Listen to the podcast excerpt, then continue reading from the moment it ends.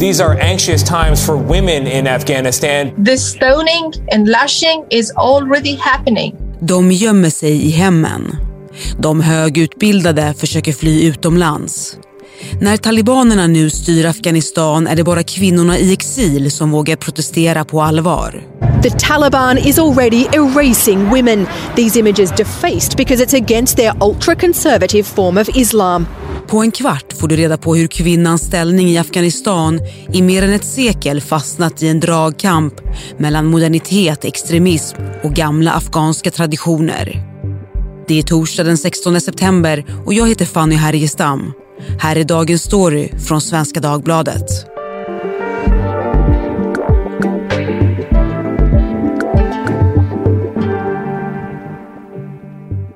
Jenny Nordberg, du skriver utrikesanalyser i Svenska Dagbladet och är bosatt i USA.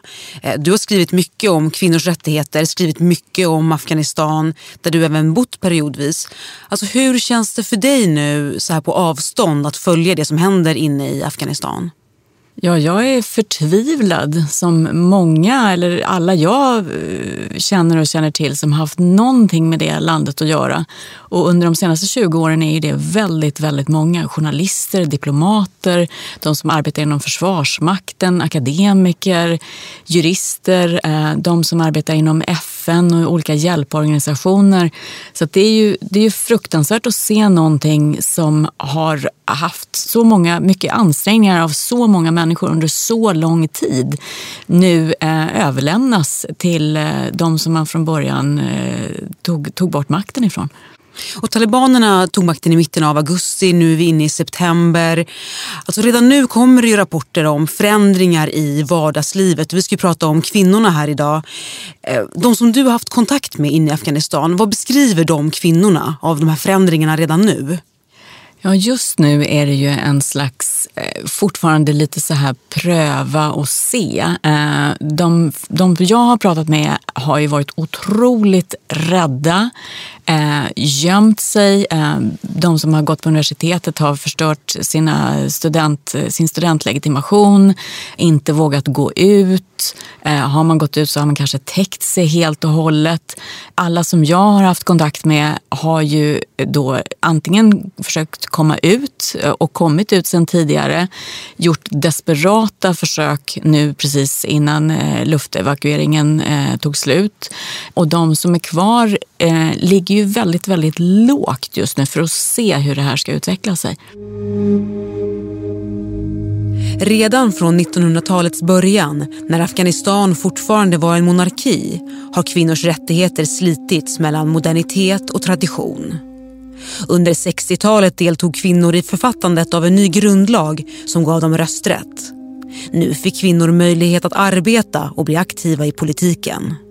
Men det pågick ständiga strider mellan Sovjetvänliga kommunistpartier och konservativa grupper som ville värna stamsamhället.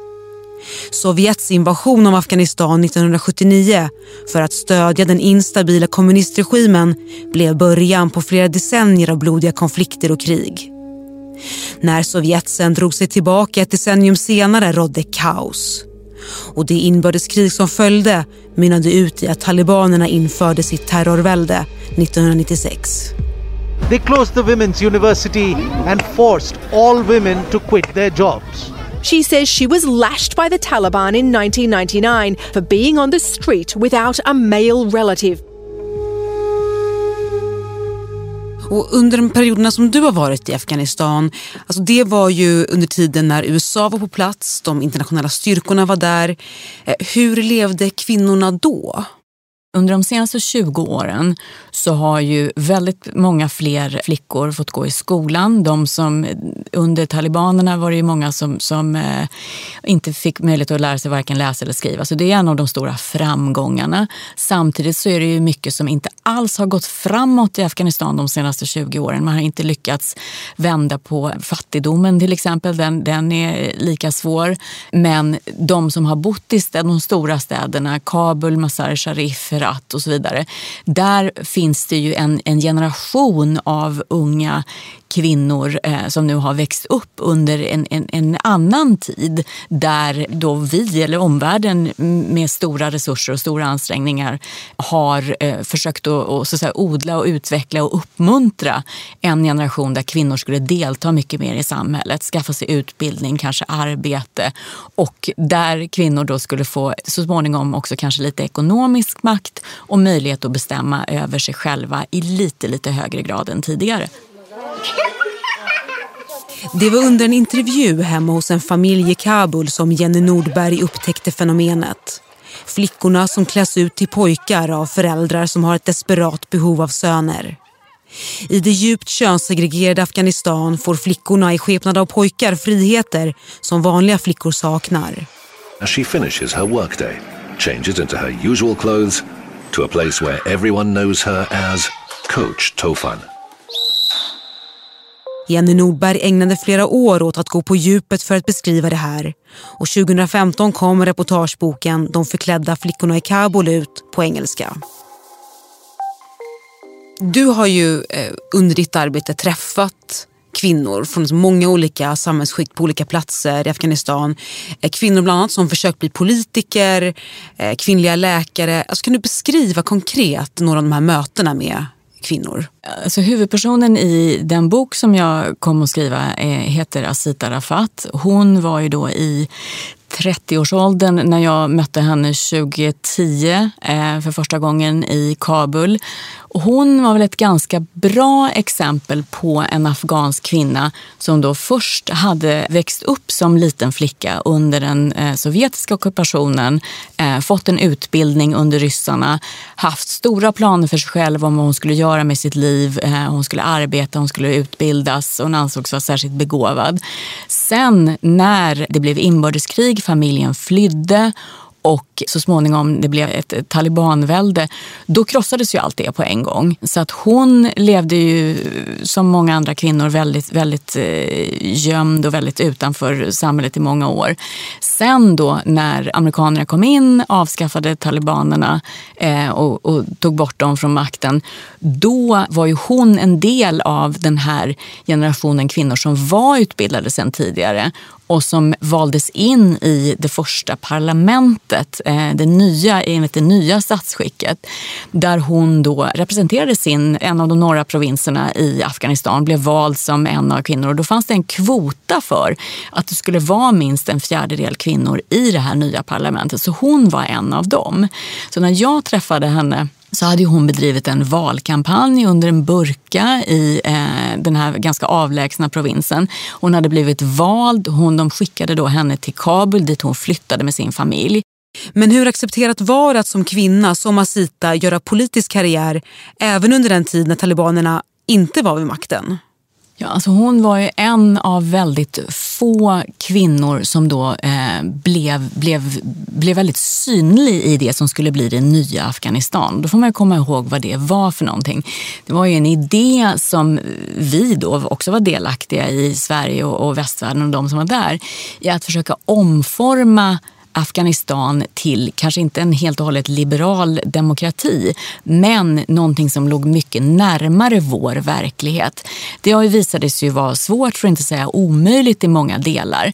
Men då var det en liten grupp kvinnor, där hon var en av dem, eh, som skickades från eh, en, en, en eh, väldigt avlägsen provins till Kabul. Dit kommer hon då eh, och hon får ett kontor och hon har en assistent och hon har en chaufför och eh, hon har då en bostad, hon är familjens försörjare, flyttar dit med sin man och sina fyra döttrar. Och det här är då just hennes stora problem visar det sig, att hon inte har några söner. Därför att i det här oerhört konservativa, ålderdomliga samhället, när det inte finns någon fungerande stat, det finns inga socialförsäkringar, det finns inte ens ett, ett fungerande, en fungerande regering eller en, en, en polisstyrka eller, en, um, eller ett rättssystem är det ju väldigt mycket så här person till person och då är det män som styr. Det är män som har alla rättigheter. I en familj där det inte finns några söner, då räknas den familjen som väldigt svag, kanske opolitlig. En kvinna som inte lyckas föda några söner och det här ansvaret läggs helt och hållet på kvinnan själv. Hon ses som väldigt misslyckad. Det är en misslyckad familj. Och det här kan du ju se i många andra patriarkala samhällen, inklusive vårt eget, långt tillbaka i historien. Att det var söner som räknades. Så att Asita Rafat eh, kämpade då för att bli vald. Hon kampanjade genom hela sin provins. Hon kommer till Kabul och det visar sig ganska snabbt att hon har ju svårt att förhandla politiskt både med eh, de som är på hennes sida och de som har, är, är på andra håll. För de är så här, okej okay, du, du är politiker, du är utbildad, du har fått den här höga positionen men du har inga söner. Hur ska vi kunna lita på dig? Vad, vad är du egentligen för kvinna? Så det, eh, det visar ju väldigt tydligt på hur eh, den här lilla gruppen av, av kvinnor fick verka i ett väldigt ålderdomligt och väldigt svårt eh, system. Om vi backar tillbaka då till tiden när talibanerna hade makten i Afghanistan förra gången, alltså mellan 96 och 2001. Eh, de kvinnor som du har mött i Afghanistan efter det här, vad har de berättat om hur livet såg ut då? Mm, Asita var ju en av dem. Och eh, när hon växte upp så trodde hon att hon skulle få utbilda sig, hon skulle få ha ett yrke, hon ville bli läkare, hon hade flera andra drömmar. När eh, talibanerna då tog över hennes provins då kom de in, vilket de har gjort precis samma sak nu eh, och sagt att unga ogifta kvinnor eller de som är änkor under en viss ålder, de ska tillhandahållas oss, alltså de ska erbjudas oss för äktenskap. Hennes far gifte då bort henne med hennes kusin. Där, där, tog ju allt det där slut. Det som, som hon beskrev då livet under talibanerna förra gången, det var ju en, en ständig rädsla. Alltså ett, eh, en form av terroriststyre. där Man var otroligt rädd hela tiden. Kvinnor kunde inte vistas ute. Gick man ut så var, det, var man helt täckt tillsammans då med en manlig eskort, en far eller en make. Det fanns inga möjligheter till utbildning. Hon drev själv jag vet inte ens om man kan kalla det en skola, men hon undervisade. Hon hade lite utbildning själv så hon eh, försökte ju då undervisa sina yngre systrar som eh, inte hade haft samma möjlighet till utbildning för de var för unga. Då kallade man det för koranskola eh, och så försökte hon gömma böcker böcker, eh, för det kunde man också bli straffad för om man hade böcker som handlade om någonting annat än religion. Och den här ständiga skräcken av att ja, göra någonting fel. Och, och talibanerna hade ju ett, ett riktigt skräckvälde förra gången. Och det, var ju, eh, det tog ju bort kvinnor från alla offentliga rum överallt.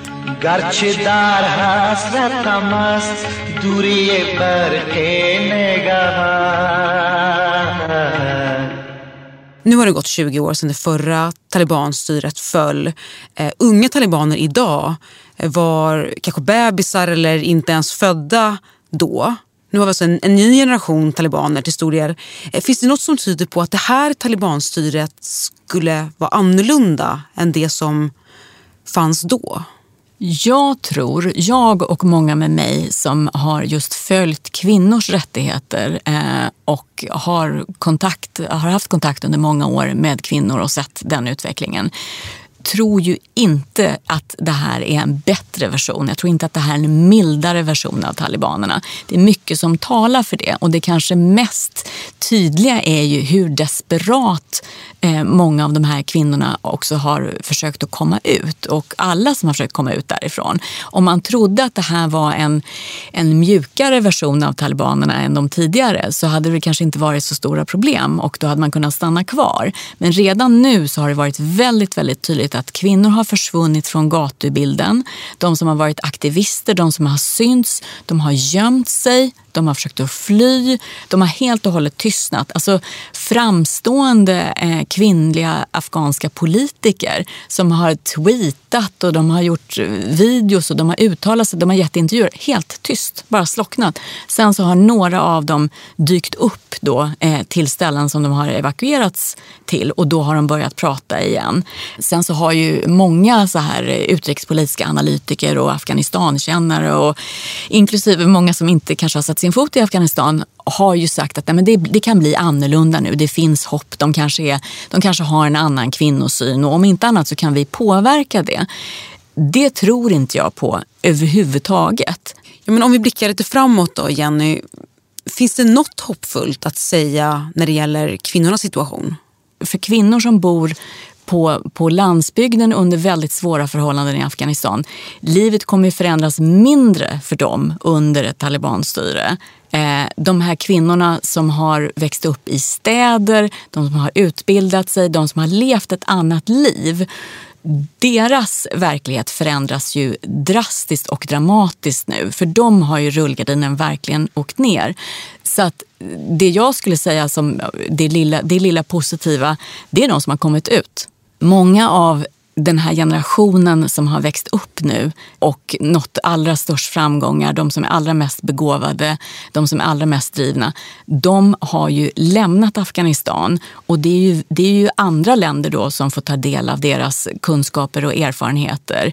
Eh, medan tyvärr är ju de, de allra flesta kvar och kommer inte då få ha möjlighet att utvecklas mer i Afghanistan. Tack så mycket Jenny Norberg. Tack. Vi som gjorde programmet idag är producent Gabriella Lahti, redaktör Maria Jelmini och jag heter Fanny Härgestam. Vill du kontakta oss så mejla till dagensstory.svd.se.